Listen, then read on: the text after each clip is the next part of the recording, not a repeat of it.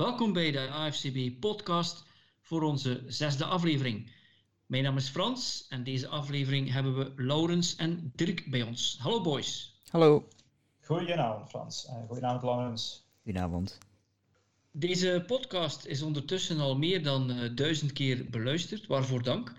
We hadden al zelfs enkele teleur, teleurgestelde fans vorige week, maar er was te weinig gebeurd die week om een volwaardige podcast te hebben. Deze week hebben we echter heel wat onderwerpen. De Combine, de Pro Days, NFL nieuws, Free Agency, de XFL, de BAFL en enkele vragen van onze luisteraars. Uh, toch een kleine rechtzetting. We hadden uh, in onze vorige podcast uh, gepraat over de CBA.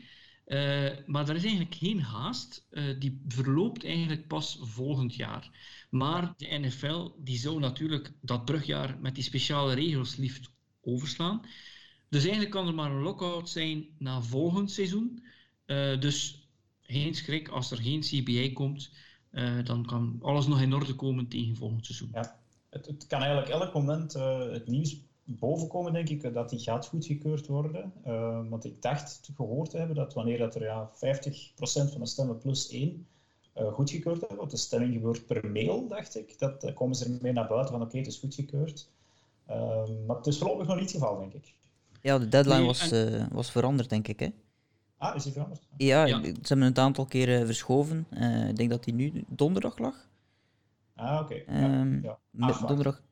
Oh, lief? Afwachten dan? Ja, ja, ja zoiets. Je zag in het begin dat het uh, erop leek dat het tamelijk vlug ging goedgekeurd worden. Maar dan zijn er een paar belangrijke spelers die die tegenstemmen. Maar er zijn ook uh, teams, ik heb gehoord de Giants, die zouden uh, unaniem voor uh, het voorstel zijn. Dus als al een volledig team ervoor is, dan heb ik zo'n vermoeden dat het maar een, een kwestie van dagen is, denk ik. Ja, het, zijn vooral de, de, ja, de, grote namen die in de, in, in, de picture lopen met, met, te zeggen dat het geen goede deal is. maar voor de kleine garnalen, die kleine tussen haakjes, want ze verdienen nog altijd een pak meer dan ik bijvoorbeeld is het toch wel, uh, gaan ze een mooie stap vooruit kunnen maken. Dus ik denk inderdaad ook dat het wel een kwestie van tijd is totdat het goedgekeurd wordt. Ja, en uh, ons eerste onderwerp is de Combine. Die is nu al een, meer dan een week voorbij. En Dirk, jij hebt die Combine voor ons gevolgd en heb je daar zaken gezien die onze luisteraars moeten weten? Ja, heel zeker. Het is, een van de eerste keren dat ik de, de, scouting combine en zo een beetje van naderbij gevolgd heb. Andere jaren na de Super Bowl uh, ging, uh, ging de riem er een beetje af, denk ik, qua voetbal bij mij. En dan, oké, ja, de combine passeren, maar pas bij de draft pikte ik de draad terug op. Maar nu kan je toch eigenlijk al in aanloop naar die draft goed zien van oké, wie gaat er uitspringen en wie heeft er vooral stappen voorwaarts gemaakt of, of wie is blijven hangen vooral en heeft niet echt uh, uit een band gesprongen. En ik heb uh, vijf spelers uh, geselecteerd, zou ik maar zeggen, die ik uh, bezig gezien, en, gezien heb op de combine, die er voor mij echt wel, wel uitspringen. En dat, ja, diegenen die college voetbal volgen, zullen er wel een aantal van kennen. Sommige, ja, enkel zijn dan weer nieuw, omdat het geen skill players zijn, maar het was toch soms verrassend om te zien. En wie waren de verrassingen? ja, verrassingen ik zal misschien bij de, de, quarterbacks beginnen, omdat dat toch, ja, het begint en het eindigt altijd bij de QB's. Degene die mij het meeste positief verrast had, was, was uh, de QB van, van Oregon, uh, Justin Herbert. Die uh, eigenlijk ja, vooraf werd, ja, hij werd wel een top 10 pick ja, voorgesteld, maar ja, het werd zo gezegd van ja, zijn, zijn arm is wel sterk, maar is hij wel, wel precies en zijn beslissingen neemt hij die wel correct en zo. Uh, maar in de combine was toch duidelijk van één, ja, hij is een, een, een, groot, ja, zo nog een, een ouderwetse grote QB van, van 6 foot 6. Uh, ik weet niet meer juist hoe groot dat is, maar dat is een, een, beer van een vent in ieder geval. En toch heeft hij een 40-yard dash van 4,68 gelopen. Wat een snelheid is die maar net boven de meeste wide receivers en dergelijke ligt. Dus hij past eigenlijk ook nog in het plaatje van niet alleen de, de gunslingers, maar ook van ik kan met zijn voeten iets doen. Uh, langs de andere kant, we hebben het, uh, het, filmpje gepost of gedeeld op onze, op onze Facebookpagina. De, de diepe ballen die hij gooide waren allemaal echt recht on the money. En hij heeft blijkbaar ook wel uh, goede indruk gelaten in de, de, interviews. Want niet vergeten, het is niet alleen een goede atleet, maar hij haalt ook een, een op die vier jaar, want hij heeft zijn vier jaar op school uitgedaan, een, een, een grade point average van 4,01, dacht ik, op een maximum van 4. Dus hij haalt zelfs meer dan het maximum eigenlijk mogelijk. Dus hij heeft nog wat extra curricular uh, klassen kunnen bijnemen naast zijn mm. voetbalcarrière. Dus het is een slimme kerel en dus dan nog een, een, een, een, een hele goede passer. Dus die heeft in mijn ogen sprongen voorwaarts gemaakt. Is hij, is hij vergelijkbaar met, met die diepe bal dat je zegt en, en grote speler? Is hij vergelijkbaar met Josh Allen of is het een ander soort type quarterback? Ja, bij Josh Allen was toch nog wel meer twijfel. Herbert heeft echt wel in, in de picture. Josh Allen die kwam uit een kleine conference, die wierp heel veel uh, interceptions ook. Um, maar maar ja, het was gewoon ook een grote kerel een goede arm, dus daarom werd hij hoog genomen. Dus ik, voor mij combineert Herbert een beetje ja, nog, nog, ietsjes meer eigenlijk. En ja, het enige wat hem nog een beetje werd aangevreven was dus nogal een brave jongen. Hij, speelt, hij springt niet uit de band. Uh, maar dat heeft hij dus blijkbaar. Hij was echt wel uh, heel op zijn gemakje daar. Hij was echt times gewoon aan het gooien alsof dat het niks was. Dus uh, ja, Josh Allen, ik, schat hem hoger dan Josh Allen. Ik had het in de tijd niet hoog op met Josh Allen. Ik verschiet wel dat hij nu eigenlijk heel goed presteert, maar ik ben blij voor hem. Maar ik denk dat Justin Herbert dat zeker ook kan doen.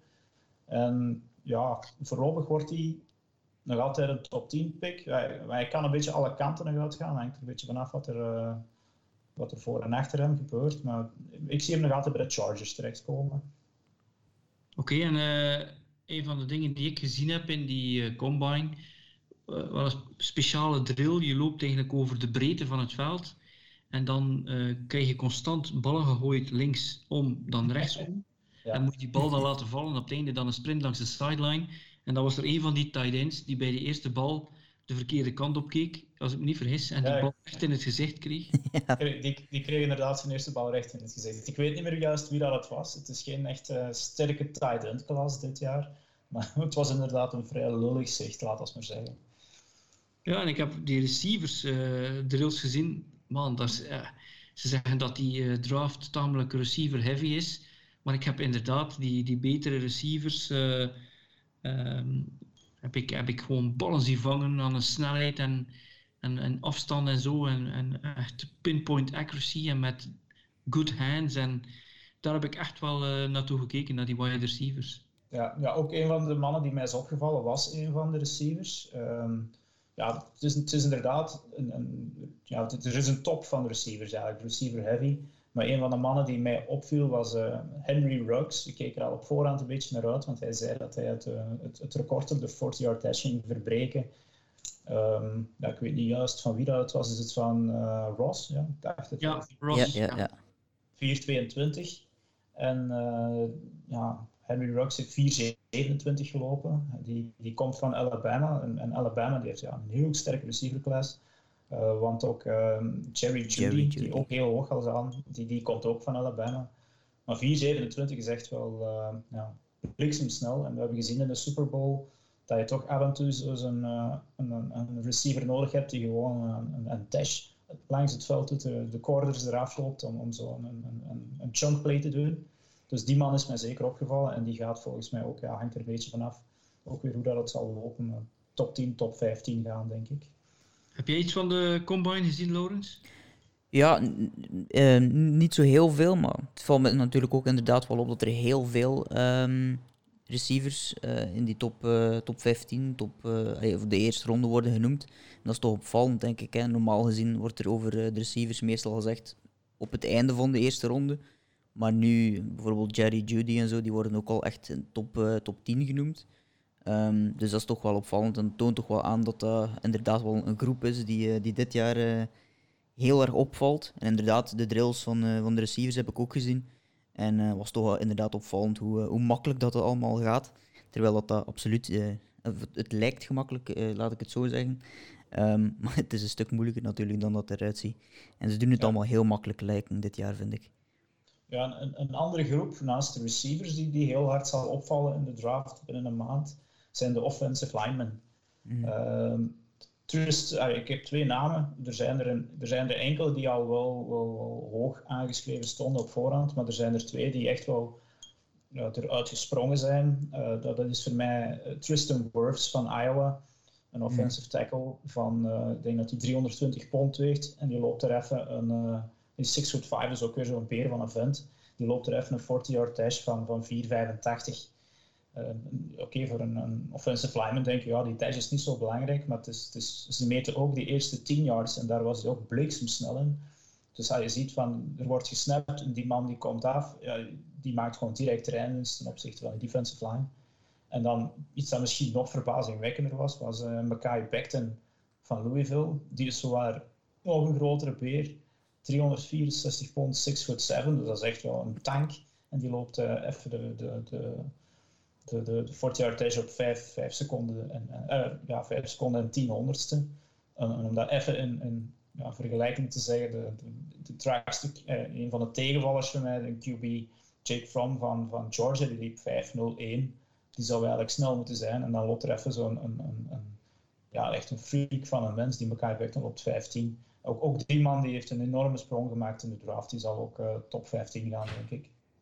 Ja, die hebben we ook op onze Facebookpagina gezet. Uh, voor mensen die dat eens willen zien, uh, die Freak of Nature. Goed, anders nog dingen die je wil zeggen, Dirk? Of? Ja, eigenlijk mijn meest indrukwekkende speler heb ik als laatste gehouden. En ik heb hem uh, lang bij Clemson bezig gezien en, en altijd afgevraagd, ja, waarom wordt die man nu niet hoger genoemd? Maar hij heeft bewezen, Isaiah Simmons heb ik voor, van, van Clemson, die eigenlijk is een beetje de nieuwe ja, defensive back. Ja, het, is, het is een Zwitser zakmes eigenlijk gewoon. En, en daar houden volgens mij de coaches en, en eigenaars nu al van. Die kan op verschillende posities terecht. Van, hij is eigenlijk een linebacker, maar je kan hem als safety uitspelen. Hij kan als corner uh, spelen, want hij heeft een, een 40-yard dash van 4,39 gelopen. En voor een, een, een, defensive back is dat echt wel indrukwekkend snel. Um, en hij kan ook ja, dus als linebacker eigenlijk gewoon tussen de linies gaan in, in rushen. Dus jij, als hij op veld staat, weet je volgens mij nooit van wat er net gaat gebeuren. En die, heeft van een, uh, die stond eerst bij mij ergens rond de 20ste plaats, maar die gaat nu, ik denk, de top 5 gaan en misschien zelfs naar de Giants. Dus ja, hou die man in de gaten. Oké, gaan we zeker doen. En uh, uh, tof dat je die combine voor ons hebt bekeken. En het is eigenlijk een perfecte segue naar de Pro Days. Dus ehm, de stappen die we hadden was uh, eerst de Combine. Dat zijn spelers die uitgenodigd worden in uh, Indianapolis. En dat zijn ze natuurlijk niet allemaal. Dat zijn er een driehonderdtal als ik me niet vergis. En, uh, maar de Pro Days, dat betekent dat het voordeel van de Combine is... alle 32 NFL-teams kunnen naar Indianapolis komen. Hoeven niet rond te reizen. Maar dan zijn er ook nog die Pro Days. En Pro Days zijn een dag die je dan hebt in de verschillende universiteiten... waar de ploegen uh, de spelers nog eens aan het werk kunnen zien. Ook weer uh, bepaalde drills kunnen zien doen. Of, uh, maar dan gooien ze natuurlijk wel meestal de bal naar hun medespelers waar ze heel het jaar hebben mee gespeeld. Of doen ze bepaalde drills samen. Die Pro Days die zijn al gestart. En vandaag hebben we de Pro Day in Arkansas, Colorado, Oklahoma, Oregon State en Wisconsin. Oklahoma en Wisconsin hebben uh, heel wat spelers die, uh, die zullen bekeken worden in de draft. Uh, en mm, 12 maart, sorry, dan hebben we Clemson en Oregon. en dan zie ik verder, ja, dan is er elke dag zijn er wel een, een drietal of viertal universiteiten die een pro day hebben. Penn State op de 17e en Alabama pas op 24 maart.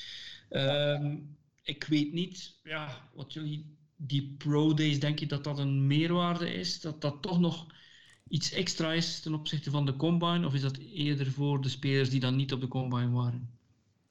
Uh, het, is een beetje, het kan ook een herkansing zijn. Hè? Uh, voor mensen die, die. Want je hebt op de, de Combine heb je twee kansen om die, bijvoorbeeld die 40 test te lopen.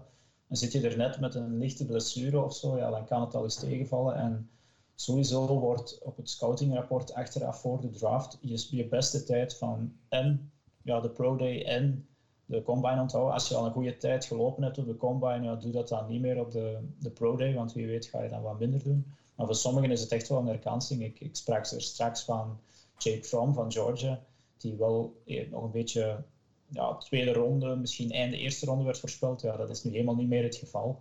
Die gaat waarschijnlijk wel nog een herkansing doen. Uh, dus voor sommigen is het echt wel nog een herkansing en anderen misschien een bevestiging. Want ja, ik zag dat ook CD Lamb van, van Oklahoma, die al een grote indruk gemaakt had op de combine, uh, ook op de Pro Day nog even zijn, dingetjes heeft laten zien vandaag.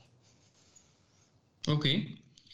Goed, uh, dan kunnen we overgaan naar het uh, nieuws in de NFL. Er is nog niet zo heel veel nieuws, maar er zijn al wel een paar dingen te rapen. Ja. Uh, het eerste is Tom Brady, die uh, heeft aangekondigd dat hij de 199 Productions, Productions zal launchen. en ja, daar heb ik, ik heb geen idee waar het over gaat. die 199 Productions, is dat, heeft dat iets te maken met zijn health zaken of heeft het te maken met iets met, met film of zo. Maar uh, voor degenen die niet weten waarom uh, hij zijn uh, Productions 199 heet, is heel simpel. Hij is gedraft in de zesde ronde als de 199ste speler. Ja.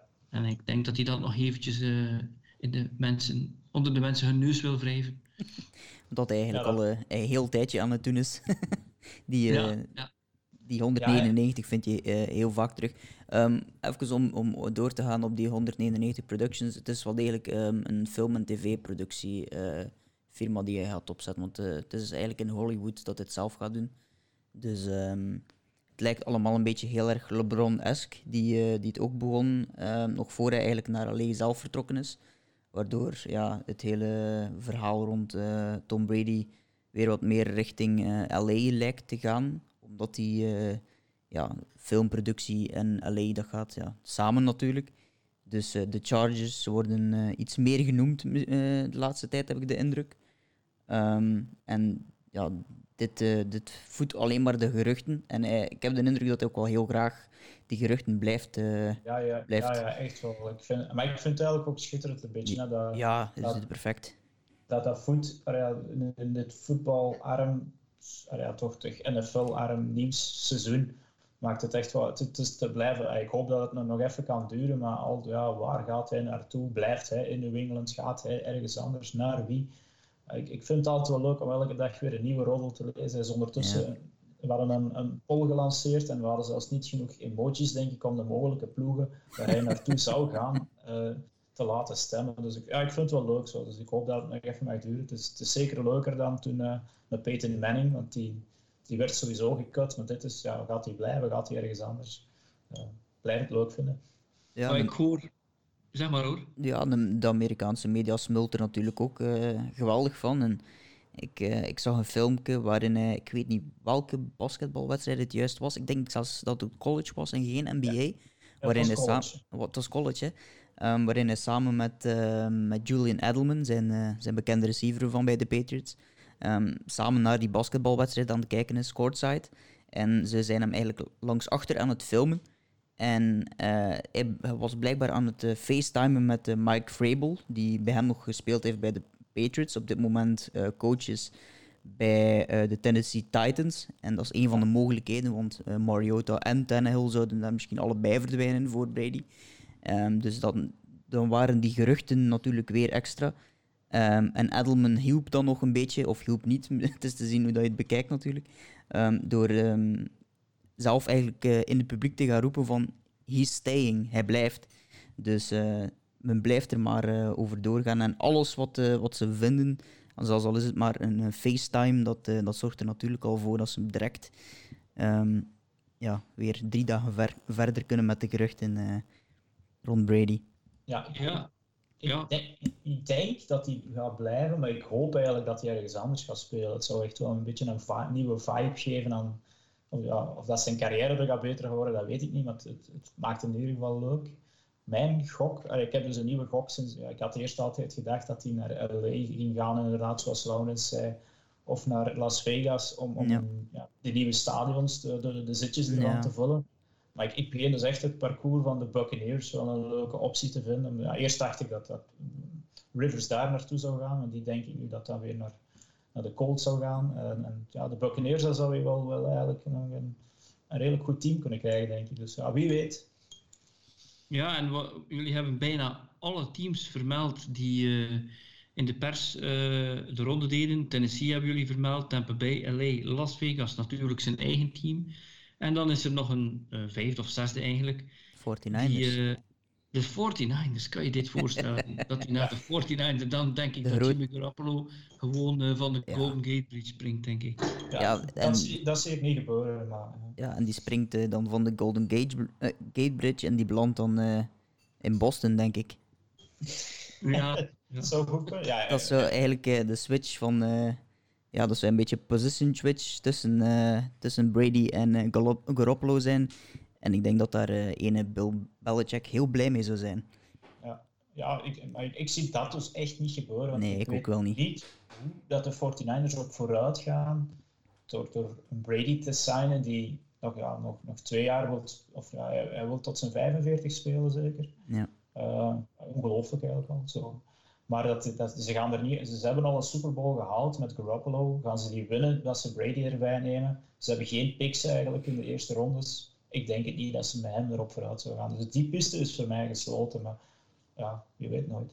Oké, goed. Uh, wat we ook nog als nieuws hebben is dat uh, de franchise tag deadline is uh, verlengd tot en met maandag. Dus ja, men had natuurlijk gedacht dat die CBA misschien al ging gestemd worden en dat men dan de, de nieuwe regels kon toepassen. Dat is er nog niet. Die franchise tag deadline die is dan tot maandag, dus we kunnen eventueel nog belangrijke spelers zien uh, dat ze de franchise tag krijgen.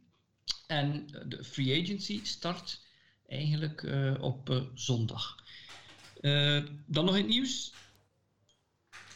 Baker Mayfield, die van de Cleveland Browns natuurlijk, die krijgt een bronzen standbeeld in Oklahoma University. ja, ik vind u wel sterk. Ja, dat vond ik ook al. Uh... waarom net hem eigenlijk? Dan, uh, Hij heeft de Heisman gewonnen. Ja, ja. Ja, Kyle okay, Murray ook. Ja, Kyle Murray heeft een jaar later inderdaad net hetzelfde gedaan. Uh, en dat was iets minder een eikeltje dan, dan, dan Baker Mayfield. Ik weet niet ja, wat dat waar dat hij dat aan verdiend heeft. Dan moeten ze er volgend jaar voor Murray maar eentje naast gaan zetten. Want ja. die is op dit moment toch ook een beetje beter bezig, denk ik, dan Mayfield zelf. Oké. Uh, dan, ja, we weten natuurlijk dat uh, meaningful football, dat dat maar begint uh, in week 1. En dat pre-season, ja, dat dat eigenlijk ook eigenlijk veel meer is voor de nieuwe spelers om zich te tonen dan de veterans.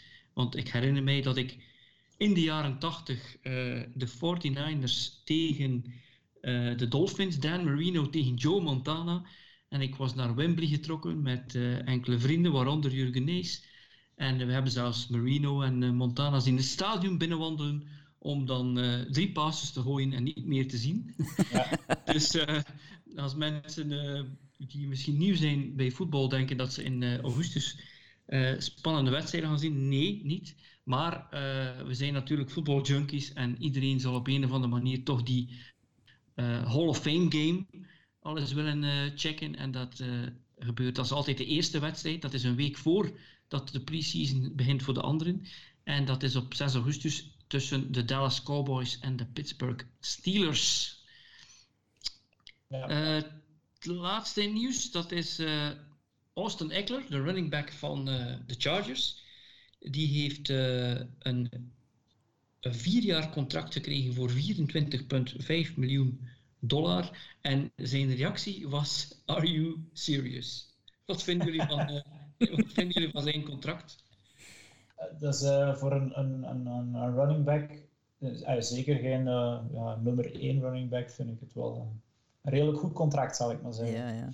Mag, ja, maar hij deelt, hij, kan zijn dat hij moet delen met Melvin Gordon, ja, ja. van als hij daar blijft of niet. Het is geen super groot contract en daarboven, die kerel is nog een top receiver ook. Hè. Het is niet alleen als running back, hè. dat is gewoon een, een three-down receiver, die uh, running back die je ook gewoon kan gebruiken in de passing game. Ja, maar heeft hij getekend of? of? Uh, hij, als hij, ja, ja. Hij, hij inkt een four-year deal, dus hij heeft uh, ja, wel getekend. Ja.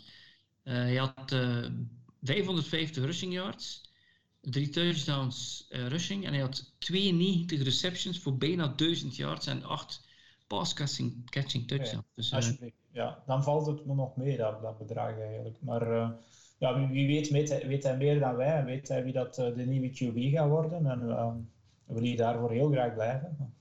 Ja, hij had, hij had meer dan hij had tussen 4 en 5 yards per rush. Ik vroeg me zelfs af waarom ze hem niet meer gebruikten, want hij was echt wel gevaarlijk, uh, uh, zowel aan die edge als soms door het midden. Dus, uh, maar ja. Dus Austin Eckler, die, die weet al wat er hem te wachten staat, is beloond voor een. het staat duidelijk in het artikel ook, after making peanuts for three years. ja, ja. Kwam hij van zijn rookie contract dan? Of, ja, ja, ja. ja. Ja. Oké, ja, dan gaat hij nu pas cashen eigenlijk. Ja, inderdaad. Goed, dat was het nieuws in de NFL. Um, we hebben net al gezegd, uh, free agency start. In free agency zitten natuurlijk heel wat spelers. Uh, en we gaan natuurlijk niet de indruk wekken dat we van offensive linemen of sommige andere posities heel diep alle uh, details kennen van die mensen die naar free agency komen. Maar wat we wel kennen natuurlijk zijn de quarterbacks, de running backs, de receivers en, en de tight ends. En ehm, wij drie zijn, we zijn alle drie general manager van een team. We hebben heel veel cap space. En we gaan een soort snake draft doen, waarin ieder van ons een quarterback, een running back, een wide receiver en een tight end uit de groep van free agents kan kiezen. En je moet je ervan uitgaan dat je dan top dollar betaalt voor die speler voor de volgende drie jaar. Ehm, op het einde van de rit gaan we dus uh, eh, 12 spelers hebben uit die groep die wij waard vinden om, uh, om in ons team te spelen. Ik zou zeggen, uh, Laurens, jij mag eerst beginnen. En het mag een quarterback, running back, wide receiver of tight end zijn. Um, goh, dan ga ik openen met um, de quarterback. Um, en ik denk dat ik richting ik denk dat ik richting Teddy Bridgewater ga. Ja, miljard. ik was lang aan het twijfelen, omdat ik dacht van... Er gaat sowieso nog iemand uh, vloeken uh, als ik Teddy Bridgewater zeg. Maar ik dacht, ik ben nu toch eerst. Dus, um, maar ik was eigenlijk al heel erg fan voor de draft van Teddy Bridgewater. Ook toen hij begon bij de Vikings. Maar we weten allemaal wat er sindsdien gebeurd is met die, die enge blessure. Um, en we hebben vorig seizoen eigenlijk wel gezien dat hij in staat is om, om toch ergens een ja, QB1 te zijn. En ja, ik denk dat hij van degenen die daar in die lijst staan, um, van free agents uh, quarterbacks, dat hij ook degene is die nog na die drie jaar um, nog een extra drie jaar of op zijn minst uh, verder kan. Er zijn er wel nog een aantal, um, maar daar heb ik het meest vertrouwen in, ik kan het zo zeggen. Ja, ja dat was bij mij ook wel mijn nummer één geweest, maar goed. Ja. Ik vind, vind, ik, vind het wel verrassend, omdat hij deed het niet slecht bij Minnesota hij heeft inderdaad uh, heel goed die stoel warm gehouden voor, uh, voor Breeze uh, bij New Orleans. maar ik schat hem iets minder in dan sommige anderen. Maar goed, dat is goed om te zien dat je dit hebt gekozen. Dat je hem hebt gekozen, sorry. Ehm, Dirk, wie neem jij? Ja, ik zou even zeggen waarom dat ik ook Bridgewater als eerste gekozen heb. Het is omdat je zei, je moet hem voor drie jaar kiezen. Ja. er staat er inderdaad nog een Tom Brady en een Drew Brees bij. En ik zal dan Drew Brees inderdaad pakken als, als, als tweede nu. Uh, maar ik ging Bridgewater eigenlijk dan meer, oké, ja, ik zie die Brady en Brees nog wel één jaar, twee jaar op, op hoog niveau meegaan, maar geen, ja, dan drie jaar. En als je die drie jaar top dollar moet betalen, dan, dan ben je er wel redelijk wat kwijt. Dus uh, ik ga dan voor mijn pick uh, voor Brees. Ja, ja, stel dat ik, ja, ik weet eigenlijk al dat hij wil blijven bij de, bij de Saints, maar hij is toch nog altijd free agent. Dus ik ga voor Drew Brees. Oké, dan ga je er ook vanuit dat hij het ook tot uh, iets in de 40 dat hij blijft volhouden bij jouw team. Ja, als hij. Uh, als, ik zal ervan uitgaan dat mijn team dan ook uh, indoor speelt en niet ergens in het koude noorden. Want ik denk dat de armsterkte van Breeze een beetje zal gaan afnemen. Maar zolang dat hij bij, ja, de, de, de, bij de Saints mag spelen en dan nog enkele andere domes mag, mag gaan, uh, binnenspelen. Ik denk dat dat nog wel zal lukken. En zeker als het is voor een QB1 te kiezen, dan, dan kies ik voor hem. En, en niet, voor, niet, niet voor Brady, die toch nog een paar jaar ouder is. Uh, ja, oké. Ik ben benieuwd wie jij zal kiezen, Frans. Ja, Oké, ik ga nog eens zeggen wie er dan nog allemaal overschiet. Uh, uh, Brady, uh, Case Keenum, Marcus Mariota, Josh McCown, Dak Prescott, Philip Rivers, Ryan Tannehill en James Winston. Ik ga mijn beurt niet laten overslaan, ook al heb ik opnieuw de keuze omdat het een snake is. Ja. Maar om het vertrouwen te tonen in deze speler, ik ga kiezen voor Dak Prescott. Ja, dacht ik, ja. ik ging hem ook kiezen als ik eerste had mogen zijn voor Bridgewater en Breeze. als ik zie 4900 yards uh, met een paar goede receivers, maar toch niet uh, uh, zo'n, ja, laten we zeggen, een, een, top, dat, alle, dat er twee, drie receivers rondlopen die unstoppable zijn. 30 touchdowns ten opzichte van 11 onderscheppingen is altijd belangrijk als je ook weet dat, dat eventueel Winston zal beschikbaar zijn. Ehm, dus ja, ik zou op leeftijd, heeft al iets getoond. Heeft ook op zichzelf gehokt door dit jaar nog geen contract te hebben. Dus uh, ik zou Prescott nemen. Ja, dat is begrijpelijk. Ja. Ja, als ik dan, als ik dan, uh, dan heb ik het echt wel moeilijk, want ik zou heel graag uh, een receiver nemen nu, maar ik kan niet, uh, ik kan Derrick Henry niet laten passeren. Ah. Ja, daar vrees ik al voor, ja. ja, uh, het is gewoon zo, Derrick Henry, die is nog niet zo oud. En die zal over drie of vier jaar misschien wel versleten zijn. Vooral als ik hem uh, run to the ground en constant de bal heeft om Dak Prescott ook te beschermen. Maar dit is de ideale leeftijd om hem dit contract te geven. En om zeker te zijn dat ik daar nog wel uh, wat kan uithalen. Zeker nadat hij dit jaar 1540 rushing yards had uh, en 16 touchdowns. Dus uh, Henry die mag Prescott komen vervoegen bij mij. Oké.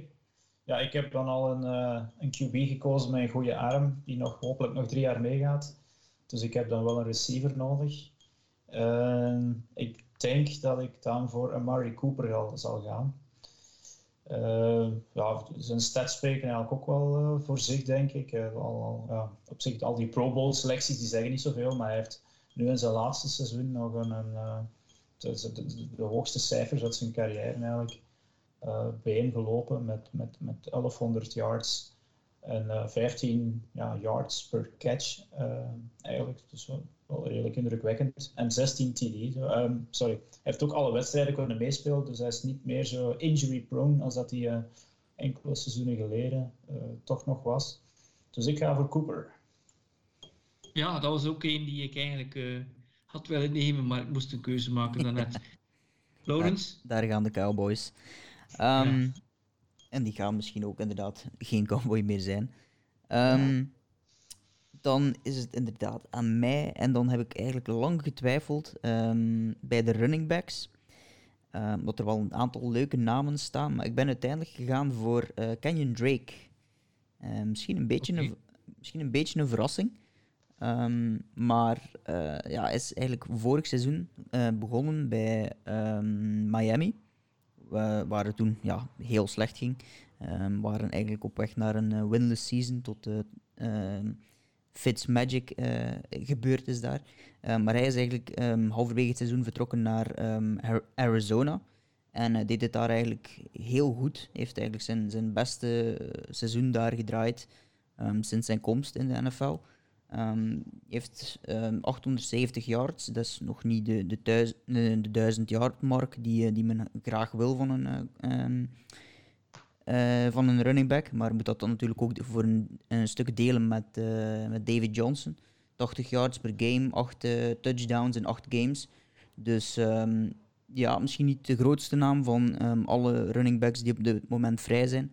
Maar het is ook nog een jonge kerel die misschien nu net pas helemaal aan het, aan het opwarmen is in de NFL.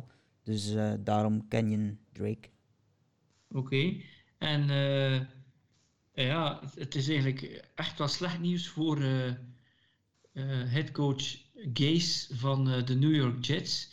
Dat iedereen die bij de Dolphins het eigenlijk maar zo-zo deed, dat als die vertrekt, ja. Tannehill, Drake, dat die ergens anders gewoon de pannen van het dak spelen. Dus ik weet niet wat dat over Gase zegt natuurlijk. Ja.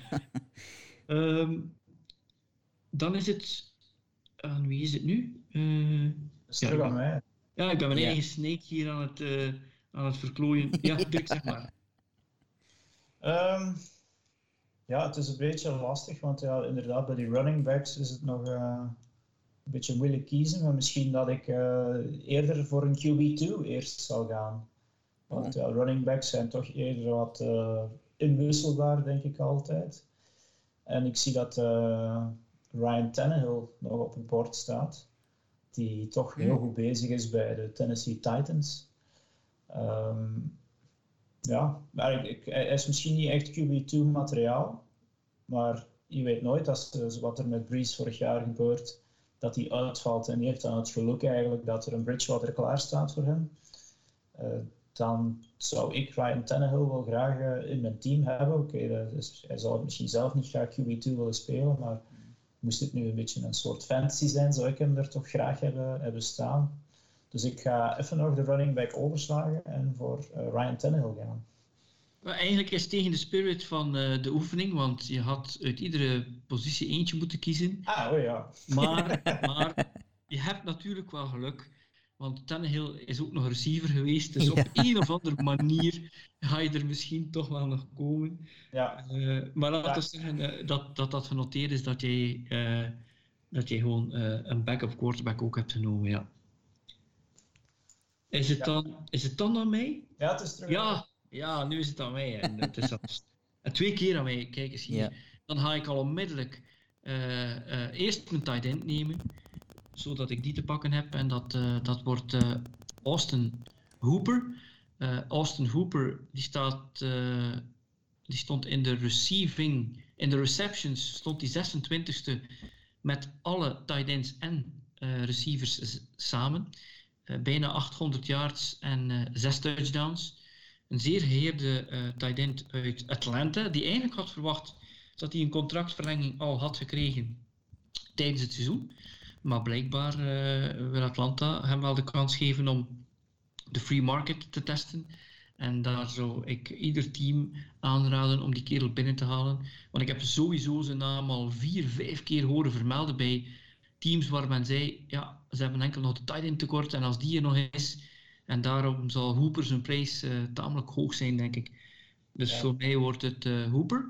Ja, ik had hem vorig jaar ook in mijn fantasy, denk ik, Hooper. Maar hij heeft toch ja, mij, mij af en toe wel wat teleurgesteld. Maar dat ligt misschien ook aan het team waar hij nu in zit. Ik denk dat hij inderdaad uh, andere oorden moet opzoeken om, om beter te kunnen terechtkomen. Ja, het was echt up en down bij de Falcons. Sommige wedstrijden was het goed en sommige was het gewoon bar slecht. Als ik dan kijk naar de wide receivers, want ik mag nog een wide receiver nemen voor okay. ik het uh, terug naar jullie gooi.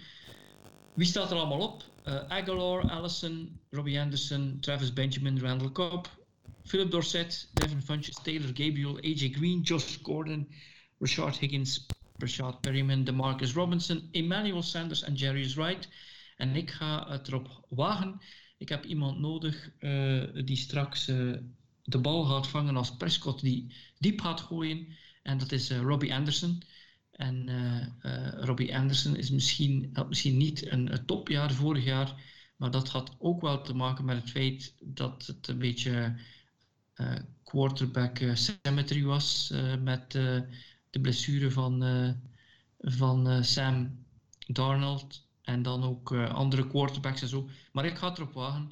Ik heb al af en toe spectaculaire touchdowns gezien van Anderson en ik geef hem samen met Prescott, Henry en Hooper een driejarig contract om bij mij te komen spelen. Ja, oké. Okay. Um, heb ik dan nog één positie over? Ik denk het wel. Oké. Okay. Um, ja, ik, de tijden, ja. Ik ga dan mijn running back even laten hoe dat is. Want, uh, ik, ik, zal er wel eentje draften in de echte draft. Ja. Um, nee, ik, ik, ik had Eric Ebron eigenlijk ook al, al genoteerd als, uh, als tight end van, van de Colts. Uh, ook iemand die wel volgens mij bij de top tight ends in de league zit. Uh, zeker na het vertrek van, van, van Gronkowski is het, het vallen val, er een paar namen op, waaronder hem zeker ook. Hij heeft, heeft, ook iets minder jaren gehad dan het jaar daarvoor, maar dat kan ook weer aan de QB-situatie liggen in Indianapolis, waar volgens mij wel wat verbetering gaat komen nu. Uh, met misschien Philip Rivers, maar ik, ik, ik zie nog heel veel mogelijkheden in, in Abram eigenlijk. Oké. En ja, je hebt eigenlijk niet veel keuze meer, Laurens. Je hebt nog Hunter Henry en Jason Witten. Ja, aangezien dat ik hem voor drie jaar moet vastleggen, is de keuze redelijk snel gemaakt richting Hunter Henry. Want ik heb zo'n gevoel als ik Jason Witten moet uh, vastleggen dat hij weer ergens verdwijnt in een, uh, in een commentary boot. Dat kan ook niet de bedoeling zijn, halverwege in mijn contract. Um, dus um, ik kies voor uh, Hunter Henry. Die is behoorlijk blessuregevoelig wel. Maar het is wel een hele goede blokker. Dus die kunnen we ook wel gebruiken, denk ik. Oké. Okay. Ja. Wat we gaan... Zeg maar. Ja, ik zeg nog één naam staan bij de running backs. Ja, ik kan hem natuurlijk niet vastleggen voor drie jaar, maar Frank Gore staat er ook nog tussen. Ja, klopt. ik, ik, vraag me af wat er met hem gaat gebeuren eigenlijk. Uh, het gaat hij nog voor dat rushing record gaan en waar? Mag hij bij Buffalo terugkomen? Ik, denk, ik weet het eigenlijk niet juist, maar het blijft toch interessant. Hij wil nog spelen en hij kan, iets, hij kan ook een, een jaar hebben zoals Adrian Peterson. Hè. Hij kan ergens uh, via achterpoort belanden en om dan toch nog uiteindelijk een belangrijke rol te spelen. Ja, ja, enfin, belangrijke rol. Ik heb hem nu een paar keer bezig gezien. hij snijdt er toch niet echt meer door als Boulder. Hij, is gewoon precies yards aan het bijeenrapen om, om richting uh, dat record te gaan. Maar ik denk niet dat hij daar gaat komen. Nou, okay. Hij is ook daarmee nog bezig, denk ik, op dit moment. Uh, niet zozeer met, uh, met zijn seizoenen zelf, maar vooral met, met dat verzamelen inderdaad van die, van die yards. Ja, Goed, we kunnen dan, uh, we zullen zien als de free agency voorbij is. Dan gaan we eens merken, dan gaan we zien als we de keuzes die wij gemaakt hebben, hoe hoog die kerels belanden in uh, de guaranteed money die ze krijgen. Dus nog eventjes uh, opnoemen Bridgewater, Breeze, Prescott en Tannehill. En dan heb ik hier geen probleem. Heb ik nog Henry, Cooper, Drake, Hooper, uh, dan had ik uh, nog uh, Robbie Anderson, Ebron en Hunter Henry. Dus ja. dat zijn de spelers die we gekozen hebben. Niemand heeft Brady gekozen. ja, dat valt wel op. Maar als ik me niet vergis, ben ik um, nog eentje, ben ik nog eentje um, te goed. Ah, oké. Okay. Je, hebt, ja. je, hebt al een, je hebt al een je hebt al een quarterback, je hebt een wide receiver. Ah, je hebt nog geen running back. Ik heb, ja. uh, ik heb wel een running back. Ik heb uh, Drake gekozen, maar ik heb nog uh, een receiver ja. te, te, goed. Ah, oké, okay, oké. Okay. En um, daar staat nog AJ Green tussen. En um, ja. ik ga voor um, de zekerheid, zeg maar, in, in AJ Green. Die heeft nog wel drie goede jaren, denk ik. Ja, ik, ik denk dat hij gaat bijtekenen bij, bij de Bengals. En zeker als hij dat. Uh, als hij bij, ja, want nu, nu komt hij van. Um, ja, enfin, er, Joe Burrow gaat er nu komen. En ik denk dat, uh, dat, dat hij er wel op zit te wachten. Ja. Dat, hij, um, dat er gaat een goede receiver team zijn. Wie speelt hij nu weer samen? Wie is die tweede goede receiver bij de, de Bengals? Ik heb het deze week ergens opgepikt, maar ik ben het kwijt. Ross. Maar als, ja, ja. Als Joe Burrow daar nog eens bij gaat, dat, dat wordt echt wel top. ja, Ross en Mixon, dat is toch nog wel, uh, wel leuk om mee samen uh, te spelen, denk ik. Hè? Ja. Oké, okay, sorry dat ik je over het hoofd had gezien. Geen uh, probleem. Ik had, ik had genoteerd wide receiver en ik heb er dan bij gezet Kenyon Drake. Dus ja. ik denk dat het gewoon Dirk met zijn Ryan Tannehill, die me volledig van de kaart heeft gebracht. ja, sorry. Dat gebeurt niet helemaal. Ik, ik, vind het een iets min, ik, ik vind het ook echt een iets mindere running back ja. groep ten, op, ten, opzichte van die andere mannen. Er zijn echt wel een paar namen bij die, die, die ja, wat has zijn. Maar dat is altijd lastig bij running backs. Ja. Die, die komen soms weer terug aan, ja, uit, uit practice squads komen er plots goede namen. En niet per se uit de free agency. Want dat, dat...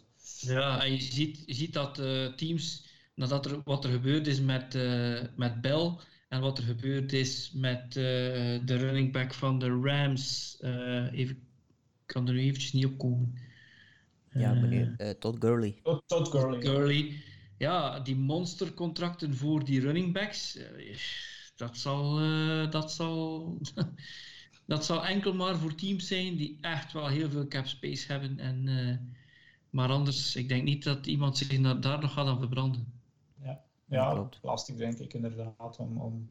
Dus daarom ook dat we vorige podcast hadden we het erover dat die, die lonen van die, die running backs liggen niet per se zo hoog. Er zijn wel een paar uitschieters, maar het is toch wel lastig om die mannen zoveel jaren, en zeker guaranteed money te geven, want voor hetzelfde geld liggen ze een paar jaar in de lappenmand en, en is het geld dood. Oké, we kunnen dan over enkele weken of maanden, want het kan nog een tijdje duren. In een podcast kunnen we nog eens terugkijken naar wie we gekozen hebben en dan zien we wel hoe we het deden. Uh, kunnen we overgaan naar de XFL. Omdat we vorige week geen podcast hadden, zijn er ondertussen uh, twee weken voorbij gegaan. Week 4 en uh, week 5. En daar moet je toch eigenlijk wel zeggen dat, het, dat er toch heel wat spannende wedstrijden waren. New York Guardians die wonnen met 17-14 van de LA Wildcats.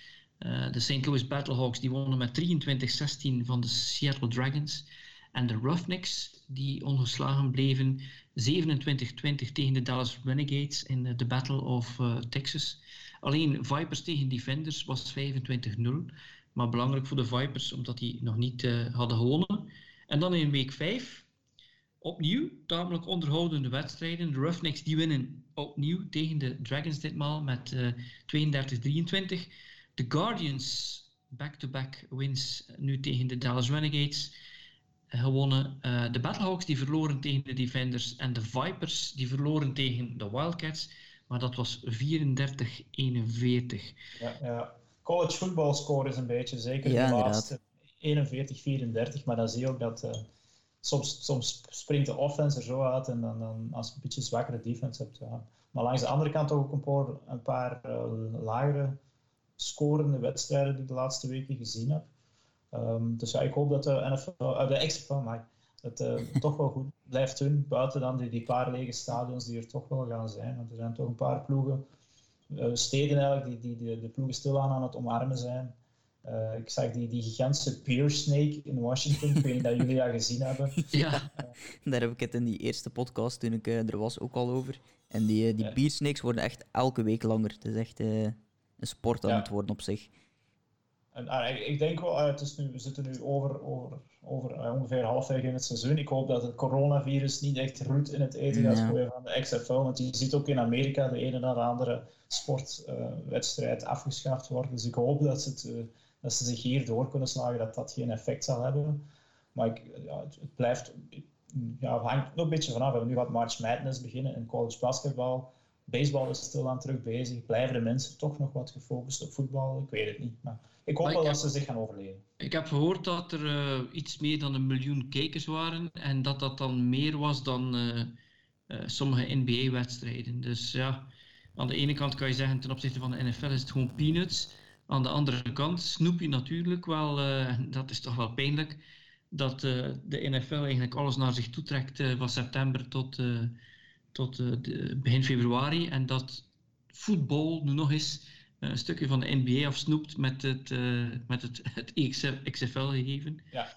ja ik, hoop, ik, hoop, vooral dat er enkele spelers ook zich toch kunnen opwerken richting de NFL vanuit deze XFL. En dan denk ik in eerste plaats aan die PJ Walker van de Houston Roughnecks. Ik denk dat die echt wel ergens terecht gaat komen. Ja, met die Phillips. Ja, samen met Phillips.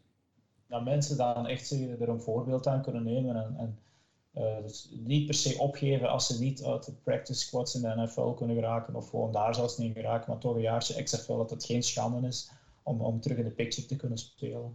Ja, en als je ziet, uh, wij, wij, zijn nu, wij kijken natuurlijk naar die quarterbacks of, of de, de skill players, maar eigenlijk zijn er heel veel spelers die natuurlijk nu plotseling heel veel reps hebben en heel veel film hebben die uh, NFL-teams kunnen bekijken. Dus dat zijn dan soms spelers die inderdaad één, twee of drie jaar op een practice squad hebben gezeten, waar men nog te weinig heeft van gezien, maar die nu plotseling toch wel in een uh, competitieve omgeving kunnen tonen wat ze, wat ze waard zijn. Um, ik heb een paar stukken van wedstrijden gezien, een halve, een half hier, een half daar. En ik heb toch enkele stukken gezien dat ik echt wel dacht van oké, ik zit hier toch wel uh, ja, geïnteresseerd te kijken. Eh, met comebacks en zo, of teams die dan de eerste helft volledig de mist ingaan, maar dan terugkeren. En, uh, ja, het was, was onderhoudend. Het is wel speciaal dat heel veel teams thuis winnen, uh, maar eigenlijk op verplaatsing verliezen. Met uitzondering van de Roughnecks natuurlijk. Ja. Ja. Uh, ja. En uiteindelijk, ik zie dat de Roughnecks die, zouden al, die zijn al zeker van de playoffs, denk ik. Ja, die, eh, zijn, ja, die hebben vijf wedstrijden op rij gewonnen. En er zijn, uh, ja, hoeveel?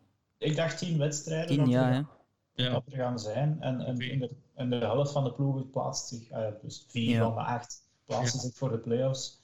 En ik denk inderdaad dat die, die Roughnecks zitten er al. Want ja, de, de tweede in die, de West, de XFL West, dat zijn de Dallas Renegades, die staan al op 2 en 3. Dus die staan al uh, een hoop wedstrijden achter. Ja, en als je ziet in de XFL East, dan uh, is het voor Tampa Bay waarschijnlijk heel moeilijk, maar de anderen zijn allemaal 3 en 2.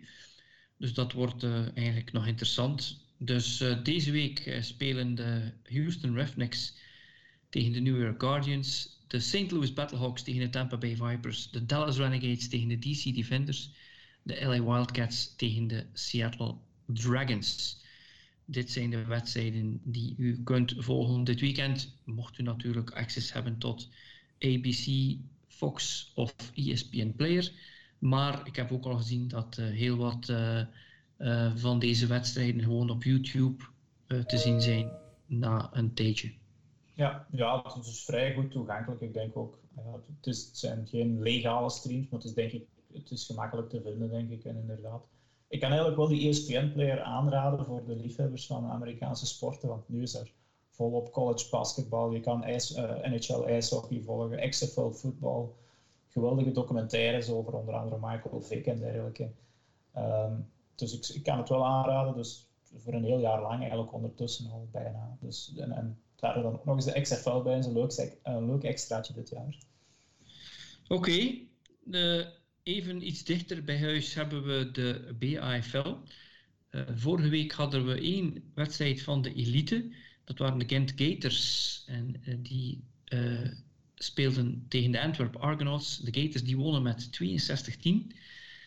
En dan in de National Division hadden we, even kijken, de Mons Knights tegen de Grey Doisseau Fighting Turtles.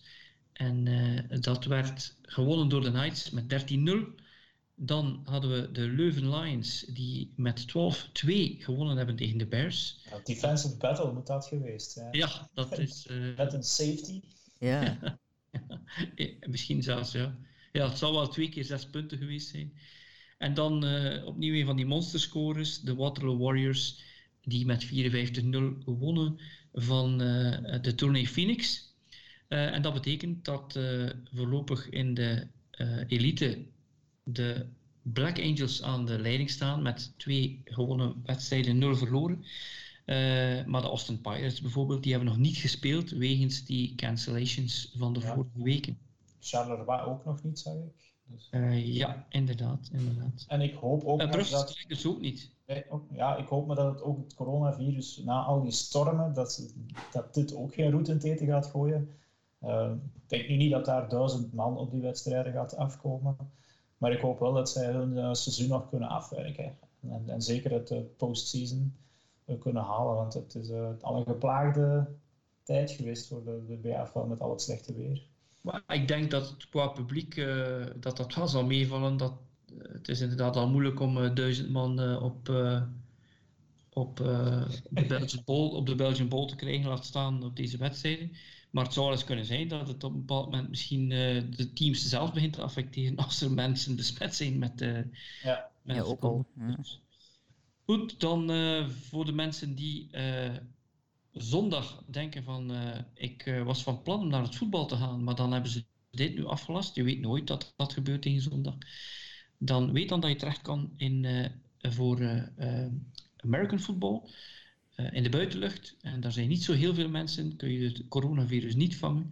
Ja. dat is in Charleroi spelen de Black Angels en de Coal Miners voor de elite. In Beringen spelen de Tigers en de Shotguns. En dan in de National Division in uh, Berchem, Sint Berchem, sorry, de Mustangs tegen de Tribes. Ja, we werden nog even gecontacteerd deze week ook door, door een van de, de spelers, denk ik, van, van, van een van de, de Gators of de, de Argonauts. Um, terwijl ja, die score die zegt eigenlijk heel veel. Uh, die lijkt heel veel te zeggen, 62-10 voor de Gators, maar dan moeten ze zich toch wel interessante plays uh, hebben voorgedaan. iemand stuurde ons een sequence in het eerste kwart van de Gators tegen de Argonauts. De Gators recoveren een onside kick in het eerste kwart. Ik vraag me af wat, hoe dat, dat beslist is geweest en draaien dan naar de twee yardlijn van de Argonauts. Ze stoppen de Gators op fourth down. Dus ja, op de twee yardlijn, mooie defensive stop. En dan eerst offensive play van de Argonauts, 98 yard touchdown run van de quarterback. En dan twee, yards, nee, twee drives later stoppen de Gators de Argonauts weer op de 1 yard lijn. En dan de rookie running back Richard Mayango, wat een leuke naam. Uh, die beantwoordt het dan weer met een 99 jaar touchdown run. Dus ik kan inderdaad, uh, ik ben er zelf niet bij geweest, maar ik kan wel aanraden om naar die wedstrijden te gaan zien. Uh, er vallen regelmatig spectaculaire plays te zien. Ja, dat moeten eigenlijk leuke minuten geweest zijn. ja, denk ik ook. Maar goed, ja. ja, dan zou ik zeggen, allen, allen daarheen natuurlijk. ja. Goed, uh, dan eindigen we nog met twee vragen. We hebben uh, een vraag van uh, Bart Kerns en ook een vraag van Carlos. de eerste vraag is van, van Bart en die zegt de podcast die draagt bij tot het bekende maken van American football in België. Maar wat heeft de laatste jaren het meeste effect gehad volgens ons op de groei en de bekendheid? Hij vraagt, is het de BAFL-competitie die na juniors ook cadets en flag competities heeft? Is het Eleven Sports? Is het uh, de Facebookpagina die meer mensen lokt? Hij vermoedt dat het een combinatie is, maar zou toch wel onze mening willen weten. Wat denken jullie? Uh, ja, Laurens? Ja, ik denk uh, dat het uh, toch ook wel een combinatie is van alles. Um, dat is de gemakkelijke uitweg, denk ik. um, ja. Maar um, ja, ik denk Eleven Sports heeft daar sowieso ook wel wat mee te maken. Hè. Toch met heel veel mensen ook die, die daar een abonnement hebben om, om buitenlands voetbal te kijken. En die misschien in hun tv-gids iets, iets zien staan dat ze misschien niet kennen. En op die manier toch eens naar de NFL kijken en dan plots eigenlijk dat leuk vinden. En dan eigenlijk tot de constatatie komen dankzij de commentaar um, van Jurgen van Frans bijvoorbeeld, um, dat er in België ook competitie is en op die manier er ook in geïnteresseerd raken. Um, ik denk dat dat de, het meeste aantal mensen bereikt. ik heb natuurlijk geen zicht op het aantal abonnees of zo op uh, Eleven Sports, maar ik denk dat televisie daar toch zeker een, een groot stuk op heeft bij bijgedragen. Ja, het is inderdaad een beetje de combinatie. Hè. Als ik even kijk, ja, als je zoals ik er ooit in Amerika even gebleven bent, ja, dan, dan rol je er automatisch in. Maar ik ken toch ook heel wat mensen die toevallig, is het nu bij, bij een uitzending van Eleven Sport, ja, even zappen, geen gewoon voetbal, even NFL blijven hangen. Hé, hey, dat is wel leuk. En dan, zo, dan kiezen ze ergens random een team en zo, zo, zo, zo beginnen ze dan de sport te volgen.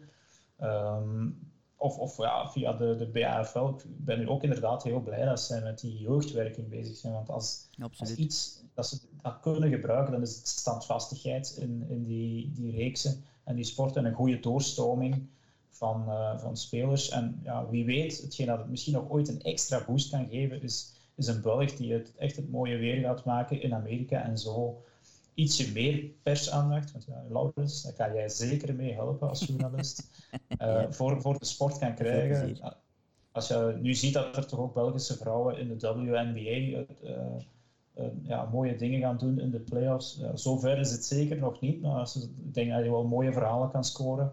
Als je ziet hoeveel jeugd dat er nu doorstroomt naar de BAFL, naar de, de elites, en dan gaan naar Engeland, en via Engeland dan weer naar naar, naar de States. Dus ik hoop dat dat zo ietsje meer in het grote publiek uh, gaat terechtkomen. En dat, de sport toegankelijk blijft en dat het heel zichtbaar blijft, vooral voor de mensen. Ja, en wat je ziet is, uh, onze AFCB-pagina die heeft 5743 likes. Uh, de pagina van Eleven Sports NFL 2800. Maar daar zitten ook heel veel mensen van het Franstalige landsgedeelte. Ja. Dus ik denk ook wel, zoals jullie aangaven, die, die combinatie. Ik vind het heel interessant dat er jeugdcompetities zijn. Uh, ik, heb, ik heb in een van de andere podcasts vermeld dat een van de redenen dat de teams toch wel verdwenen in de jaren 90 was dat er gewoon geen jeugd was. Het enige nadeel dat ik wel zie, ik merk dat er wel heel weinig linemen zijn in sommige teams. Of toch heel weinig ehm, van dat type spelers die je nodig hebt. Ja. En, en wat er ook is natuurlijk, het mes snijdt aan twee kanten. Het is uh, uh, populairder geworden, het American football. Maar wat we natuurlijk merken is, uh, je kunt er geruststellen dat 10, 12 of 15 van de beste spelers van België, dat die eigenlijk niet in België spelen. Dat die inderdaad naar college vertrokken zijn, of dat die ergens in Spanje spelen, of in een ander land waar ze misschien kost en inwoon krijgen. En dat is natuurlijk heel mooi uh, voor, voor de Belgische spelers zelf, maar voor ons op de Belgische velden is dat minder. Maar, maar ik, hoop wel dat het goed komt. en een van de voordelen in België is, ik heb dat heel erg gezien, in de jaren 80 American football in Nederland, dat was plotseling, dat was zo'n dat was, dat was zo'n boom. Maar dat leek een beetje op, op het, het, het, windsurfen in de jaren 80. De Nederlanders die waren allemaal op een windsurfplank. Maar drie jaar later had niemand nog een windsurfplank. En, uh, ah, ja. met American football was datzelfde. En bij België komt alles veel trager op gang. Is het niet zomaar een, uh, een vuurwerk, maar is het veel meer steady. Maar je ziet wel dat na al die jaren dat in, dat in België dat het er wel staat, ook de Belgian Barbarians, uh, die mogen er ook zijn. Ja, binnenkort is er volgens mij trouwens de eerste jeugdinterland.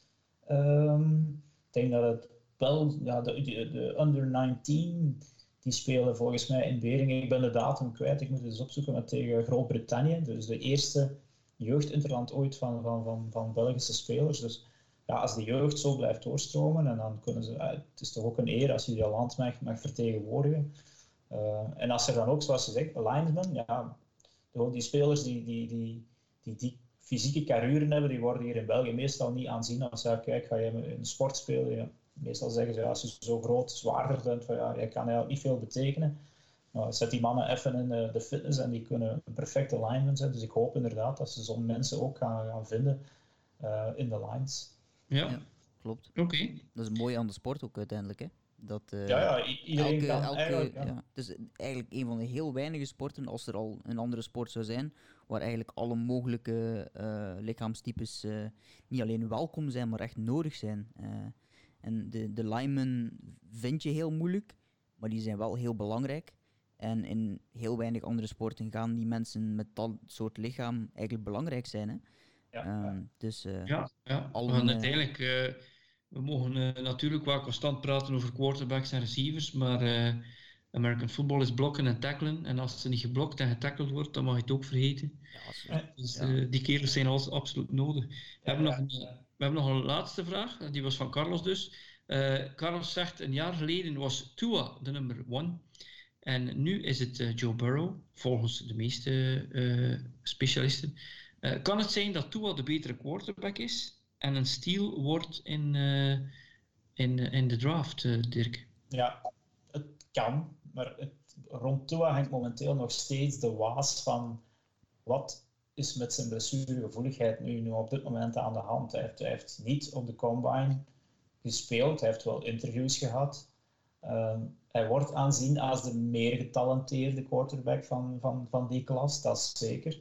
Maar hij komt dan eigenlijk een Joe Burrow tegen, die vorig jaar niet een, een gemiddeld seizoen speelde en dan dit jaar wat volgens velen en het, het, beste seizoen ooit van een college eh, QB die, die, die, die cijfers dat hij bijeengegooid heeft met zijn uh, tussen haakjes kleinere handen, die waren echt indrukwekkend. Uh, dus ik denk, ja, ik ben er zeker van, Joe Burrow is de nummer 1 voor de Bengals. Tenzij dat hij nog ergens onder een auto loopt, en dan hoop ik dat niet. Um, en dat Tua, ja, het is nog altijd een beetje onbekend. Als hij blessurevrij is, is hij inderdaad een steal. En dan zal ervoor, als het tussen nu en de draft blijkt dat hij, dat hij in orde is, maar het is vooral die heup. En heup wordt heel angstvallig naar gekeken in het voetbal. Als die in orde blijkt te zijn en hij kan goed gooien, hij kan goed bewegen, dan denk ik dat er, wel, uh, dat er misschien zelfs getraind gaat worden om met de, de, de, ik denk de pick van de Lions dan op nummer 3 terecht te komen om zo Tua te gaan, gaan, gaan stelen. Dus ja, hij is zeker een steal, maar hij zal niet de nummer 1 worden. Ja, dat denk ik ook. Dan, uh, je had nog vermeld uh, voor de podcast, voor de podcast starten, Dirk, dat je bezig bent met een uh, mock draft. Dus dat je, ook al weten we dat free agency nog moet helemaal doorlopen worden, maar dat je toch in een van die podcasts al eens een tip van de sluier had oplichten. Ja, ja, ja het, is, eigenlijk een, zoals ik er straks zei, ik ben nu dus eigenlijk een beetje echt aan het volgen van wat gebeurt er in die combine, wat, uh, wat zijn de roddels in free agency, dus ja, welke ploegen gaan welke spelers nodig hebben. En, en ik heb al eens lijstjes zitten, zitten opschrijven en uh, verandert soms van mening. Dus ik, maar ik volg dus college football heel goed, maar ik wil dat wel eens even van mening wisselen met iemand als jullie die de, de NFL dan meer volgen. en die goed weet ja, welke ploegen kunnen welke posities goed gebruiken. En dan kan ik misschien een leuke mock draft invullen. Die waarschijnlijk dan nog helemaal overhoop zal gegooid worden na free agency. En zeker ja, in aanloop van de draft dan. Oké, dat is goed. Uh, jij mag eigenlijk, als je wil, nog een shameless plug doen voor jouw podcast. Oh, dank u wel. Daar was ik niet van op de hoogte dat je die plug ging doen, maar waarvoor dank. Um, ik heb zelf een podcast genaamd Stervende Zwanen. En um, daar interview ik eigenlijk um, interessante sporters over eigenlijk alle mogelijke sportdisciplines heen. Ehm, en zolang ze een, een leuk verhaal, een mooi verhaal hebben, dan, dan zijn ze bij mij welkom. Uh, mijn eerste podcast was met een ultraloopster die het Belgisch record ultralopen gebroken heeft. 24 uur lang aan een stuk gelopen. 200, ja, 208 kilometer uiteindelijk afgelegd in die 24 uur. Dus dat is redelijk gek, inderdaad. Uh, mijn tweede gast was uh, Jolien Verschuren, uh, veldrijdster die kanker overwonnen heeft en ja. twee keer um, de Koppenberg gewonnen heeft. en er staan nog een paar heel leuke, um, ik heb er ondertussen nog drie die vaststaan. en dat worden ook nog wel een paar heel leuke gasten, maar daarvoor ga ik natuurlijk jullie nog even in spanning houden en zeggen als je abonneert, dan, dan kan je het volgen. Dus stervende okay. zwanen. Waarvoor dank trouwens. Ook geen probleem, ik kan het iedereen aanraden. Ik heb de eerste gehoord en uh, ik weet plotseling iets meer over uh, ultralopers. Ja. ja, ja, ja, het was een heel interessant verhaal. Oké, mag ik jullie uh, allebei bedanken voor deze podcast vandaag? Zeker. Ja, geen probleem. En mag ik ook iedereen die luistert bedanken. En ik zou zeggen, zoals hiervoor, sharen, subscriben en liken en zorg uh, dat wij het de moeite blijven vinden om voor jullie een podcast te maken. Tot de volgende keer. Tot de volgende.